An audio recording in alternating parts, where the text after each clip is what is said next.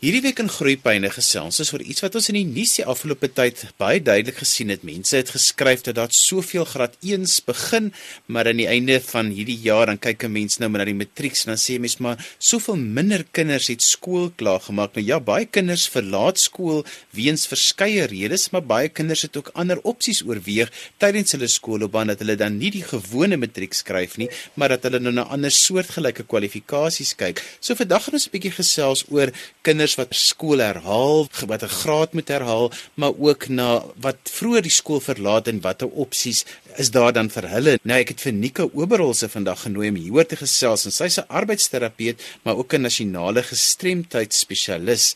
Nika, kom ons begin praat eers oor kinders wat die jaar moet herhaal. Hoe motiveer 'n mens sulke kinders want daar's baie kinders wat nou uitsien dat die nuwe jaar gaan 'n nuwe graad toe, nuwe juffrou, maar daar's ook baie kinders wat eenvoudig nou moes agterbly en dieselfde jaar nog 'n keer moet doen. Johan, dit is altyd 'n tamaletjie as 'n kind graad moet herhaal om hulle gemotiveerd te hou. Ek dink 'n mens moet altyd met hulle die doelwit bespreek waartoe hulle wil beweeg in terme van wat hulle wil bereik en dit dan in daai terme vir hulle motiveer.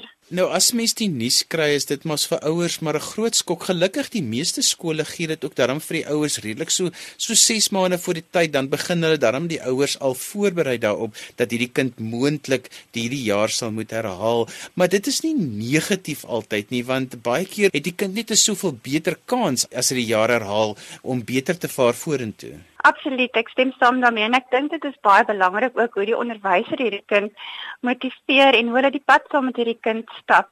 Ek dink mens moet nooit die waarde van die onderwyser se input onderskat in die in die in die akademiese pad wat hierdie kinders stap nie.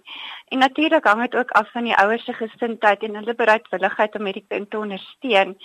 So ek dink as 'n kind voel daar is 'n groep mense om hom wat hom ondersteun wat dit vir hom gaan moontlik maak om iets te bereik, dan is die stryd al half gewonne. Maar die realiteit eh, Nika is dat ons baie kinders verloor uit die skoolstelsel uit wat 'n paar keer herhaal het en dan tou opgooi en eenvoudig die skool verlaat.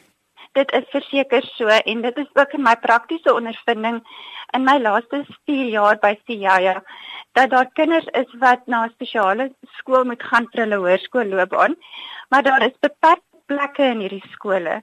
So groot gros van hierdie kinders val eenvoudig uit skool uit en hulle sit by die huis en raak betrokke by ongesonde aktiwiteite um, saam met ander jong mense.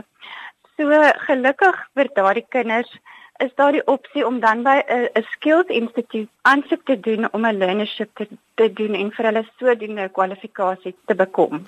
So wat ons eintlik sê is is dat daar is opsies as 'n kind nie sy skoolloopbaan kan of wil voltooi nie dat 'n mens nog steeds ehm um, werksgeleenthede kan kry met die nodige opleiding. Nee, dis verseker so. Die nasionale skills development strategie maak daarvoor voorsiening. Ehm um, en daar is baie learnerships beskikbaar vir hierdie kinders wat geborg is wat hulle nie 'n sent gaan kos nie en wat hulle ook dan 'n geleentheid kry om nie net 'n teoretiese inligting en klaswerk te kry nie, maar ook om onmiddellik dan ehm um, werksondervinding op te bou en so hulle kurrikulum vitae te begin bou. Nou daar in Suid-Afrika daar so 'n persepsie ontstaan dat matriek om matriek te bereik is basies die begin en die einde, maar vir baie kinders is dit 'n realiteit dat hulle dit nooit gaan gaan maak nie. Hulle gaan nooit matriek deurkom nie. Um so jy sê ja. mens moet klein bietjie dan veral ouers moet 'n bietjie anders dink oor matriek bereik as ook vir baie kinders die druk van hulle af te haal om te sê, maar daar's ander opsies. Dit is so en um, ek het ook um, in my ondervinding agtergekom dat werkgewers dit nie noodwendig altyd vir matriek nie waarna hulle ook kyk is werksondervinding en dit is die struktuur van 'n 12 maande learnership is dat jy die, in dieselfde tyd wat jy jou teorie leer dat jy werksondervinding op ophou. So hierdie kinders staan dan 'n baie beter kans om die oop uh, arbeidsmark um, te betree. So hoe lyk 'n tipiese kind as ons nou met 'n bietjie veralgemeen wat sal goed doen met so leierskap en wat dan nou nie na matriek toe gaan vorder nie, maar wat op 'n ander manier vir homself 'n toekoms wil skep? By ehm um, inrigtings of ehm um, instituie gaan hierdie kinders heel eers dan 'n toelatings 'n toets moet skryf want hulle moet ehm um, vaardig wees in Engels om dit te kan lees en skryf en hulle moet ook 'n basiese wiskunde vermoë hê om te kan kwalifiseer om deel te word. So tipies is dit kinders wat rondom graad 7 uit die skool uitgaan wat redelik goed gevorder het, goed genoeg om die basiese Engels onder die knie te kry. Nadat hulle dan hierdie toets geslaag het, sal hulle by ons instituut deur 'n arbeidsterapeut gesien word.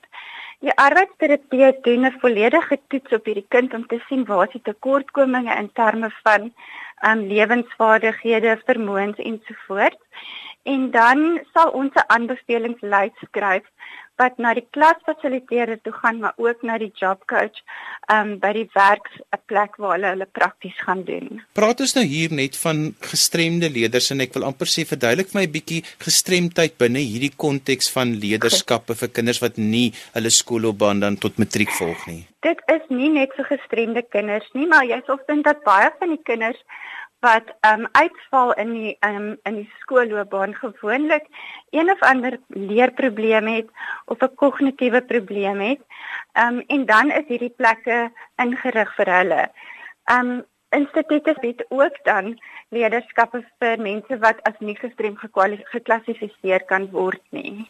Watse vrae het ouers gewoonlik wanneer dit kom by hierdie tipe van loopbaangeleenthede vir kinders? Ja, ek dink hulle wil basies gewoonlik weet watter ondersteuning gaan die kinders in die klas kry, wat is hulle vooruitsigte om werk te kry. Ehm um, uh, en dan watter ondersteuning gaan hulle van die span rondom hulle kry by die instituut. Verduidelik bietjie vir ons dan wat is die antwoorde op hierdie vrae? Wat is die ondersteuning? Ehm um, die ondersteuning, ek kan nou net van van Tiaya praat omdat ek hulle ehm um, gestremdheidsbestuurder is. So ons het 'n hele multidissiplinêre span wat die kinders ondersteun en dit sluit dan in ehm um, die arbeidsterapeut, 'n maatskaplike werker, ehm um, industriële sielkundiges en dan het ons ook mentors. So van voordat hulle die learnership begin, doen stap ons die pad saam met hulle wat ons vir hulle maandeliks vra hoe dit gaan. As daar enige probleme opduik, is ons daar om hulle te ondersteun en om hulle te verwys indien dit sou nodig wees na byvoorbeeld 'n sielkundige of na 'n dokter of wat ook al mag nodig wees vir hierdie kind. So rondom hierdie kind word daar 'n hele span aangestel wat hom ondersteun vir sy 12 maande. By die span is ook betrokke dan natuurlik die klasfasiliteerder en die job coach by die werksplek sodat dit nie alles net 'n los alle ding is nie maar dat as ons as 'n span saam trek rondom hierdie kind en hom ondersteun om sukses te verseker. Dit is belangrik vir hierdie kinders om nou suksesvol te wees. Dit is belangrik vir hulle om ondersteun te wees. Dit vir hulle 'n hele nuwe wêreld. Kyk, hulle is nog jonk. Hulle was nog nooit in die ehm um, arbeidsmark nie. So daar's baie angstigheid by hulle. Daar's baie onsekerheid en ehm um, hulle is maar nog kinders. So ons ons moet hulle ondersteun. Families is baie keer baie krities wanneer 'n kind nie hulle skoolloopbaan op die tradisionele manier tot matriek volg nie. Hoe hoe hanteer 'n mens dit met die onmiddellike gesin en familie om te sê maar hierdie is eintlik die beter oplossing vir hierdie spesifieke kind om 'n sukses van sy lewe te maak? Ek dink wat dit maklik maak in terme van die motivering daarvoor is dat ons vir hulle kan sê dat hierdie kind reeds werksondervinding gaan opdoen en dit sy lewe makliker gaan maak om die arbeidsmark te betree. Ek dink ook wat die geval is teen die tyd dat hulle op 'n punt kom waar hulle die skool moet verlaat omdat hulle nie kan ehm um, suksesvol wees daar nie, is die ouers desperaat. Hulle hulle skree eintlik uit vir hulp. Ehm um, So dit is nie regtig 'n probleem om hulle te motiveer nie. Ons het ook gereelde kontaksessies dan met die familie ook om te sien hoe dit gaan en waar dit nodig is om die kind te ondersteun. My gas vandag is Nika Oberholzer en sy is 'n nasionale gestremdheidsspesialis en ons gesels 'n bietjie vandag oor hoe gemaak as my kind nie tot matriek in die skool wil bly nie en die skool vroeg wil verlaat en watse opsies bestaan daar vir sulke kinders. Nika, as my kind na my toe kom en sê maar ek wil nie verder skool gaan nie, hoe hanteer 'n ouer daardie gesprek? Sê dit sal altyd 'n moeilike een wees om voor te sê hoe ouer dit moet hanteer. Ehm um, ek dink die meeste kinders wil iets bereik om um, wat binne hulle vermoë is. So ek dink die ouers dit is belangrik vir ouers om oop te wees vir hulle kind en waantoe hulle wil beweeg in die lewe en dan vir hulle te sê, nou maar goed, skool is nie vir jou opsie nie. Kom ons kyk na die alternatiewe. En dan is plekke soos ja, ja beslis alternatief vir hierdie kinders.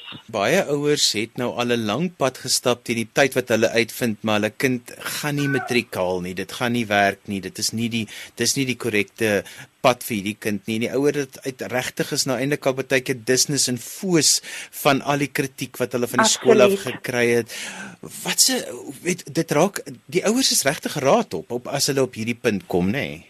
Ja, nee, dit is verseker so. Ehm um, en ongelukkig as hulle nie kwalifiseer om by die um Skills Institute te kom leer nie, dan probeer ons altyd die ouers um ondersteun vir hulle sê hier is iets anders, hier sê hulle alternatief. So ons gaan hulle nie net wegwys in die um en sê oh, dis nou maar oor aan jou, ons kan jou nie help nie. Ons gaan altyd probeer om alternatiewe vir hulle te kry as die kind se vermoë te laag is. Nou baie keer dan hoor 'n mens die regering stort soveel geld in vaardigheidsontwikkeling en goeters. Is yes. dit waarvan ons nou praat?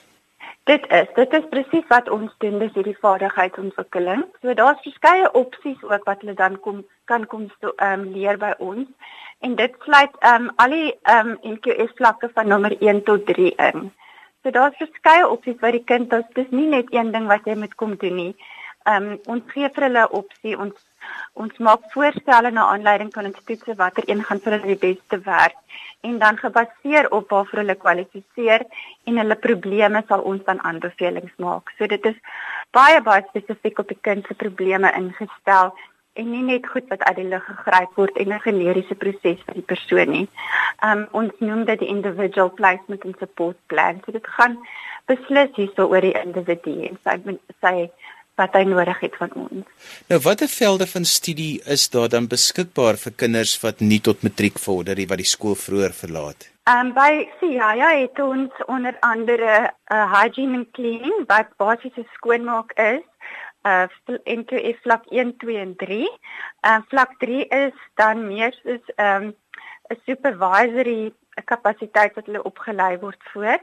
So wat dit beteken is as hy vlak 1 voltooi het suksesvol, dan kan hy aangaan na vlak 2 en hy kan aangaan na vlak 3 sou hy suksesvol wees.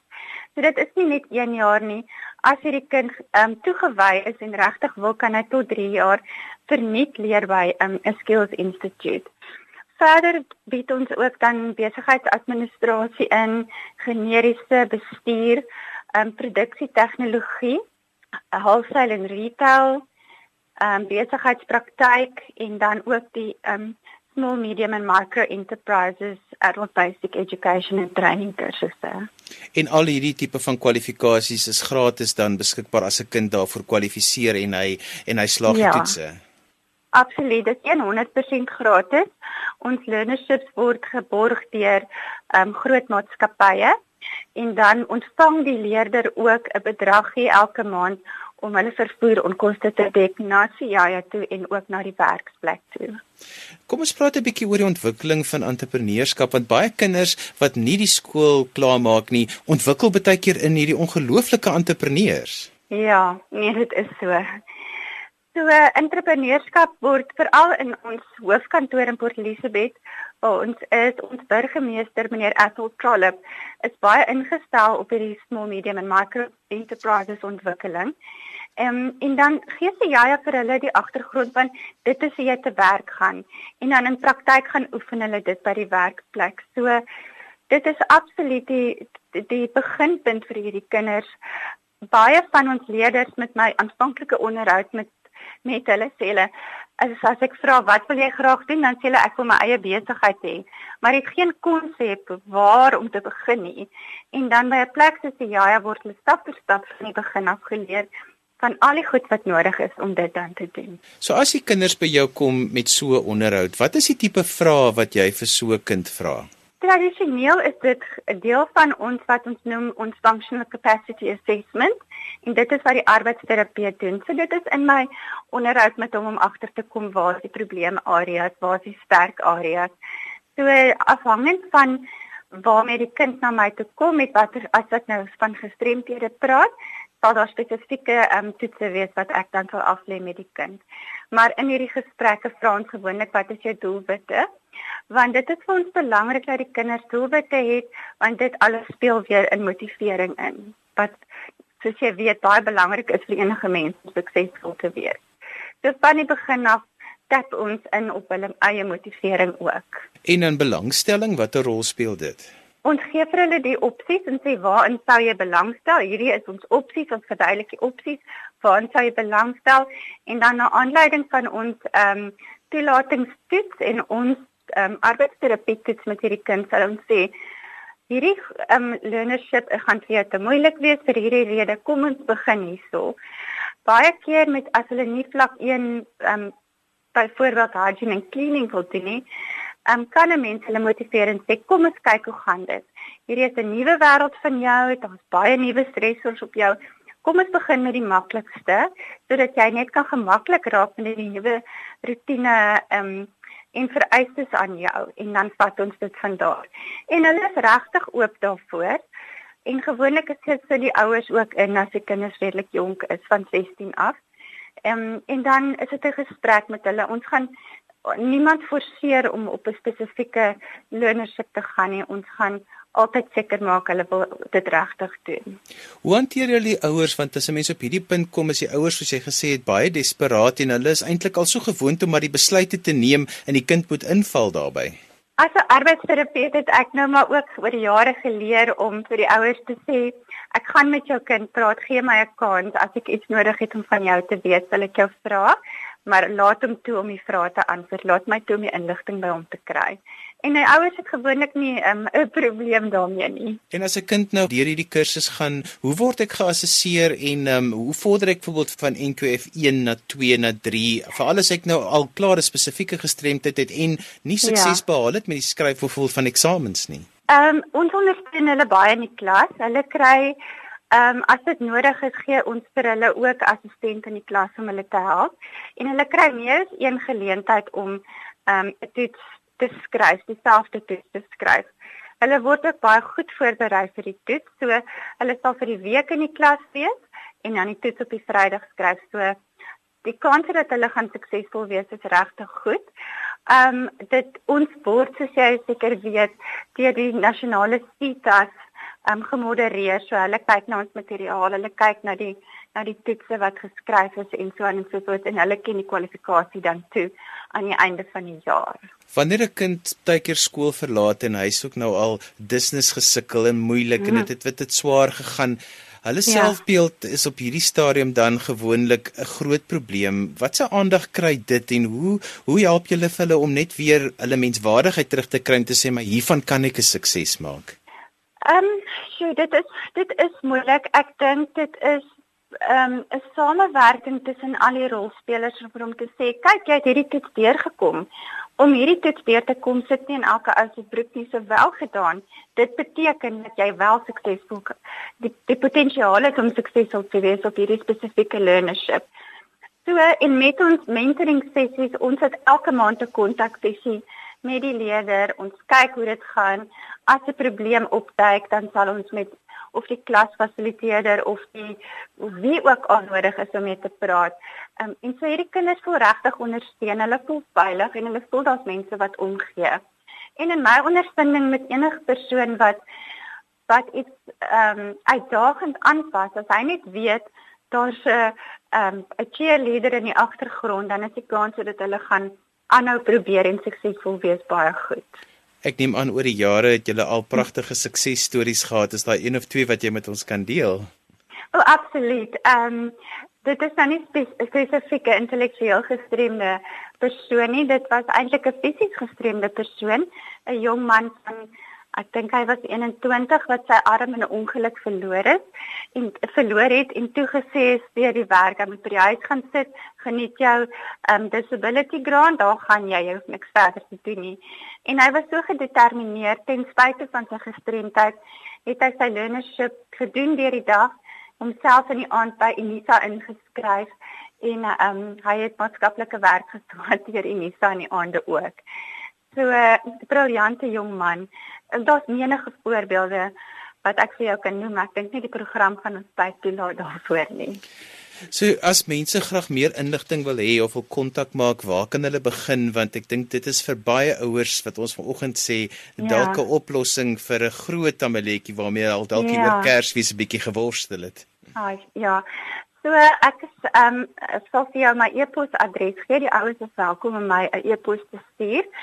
Dit is OT vir occupational therapist @siaya ec vir Eastern Cape .co.za of hulle kan my bel op 041 396 3600 by uitbreiding 222. En daarmee het ons gekom aan die einde van vandag se program. Onthou jy kan weer na vandag se program luister as 'n potgooi. Laai dit af by rsg.co.za. Vandag het ons gesels oor moontlikhede vir kinders wat moet herhaal of wat uh, nie hulle skoolloopbaan tot matriek kan voltooi nie. My gas was Nikki Oberholzer en sy is 'n nasionale gestremdheidsspesialis. As jy die e-posadres waarmee jy met haar kan kontak maak gemis het, onthou jy kan vir my 'n e-pos stuur by groeipyne by rsg.co.za en dan sal ek vir jou haar kontakbesonderhede aanstuur. daarmee groet ek dan vir vandag tot volgende week van my Johan van Lille. Totsiens.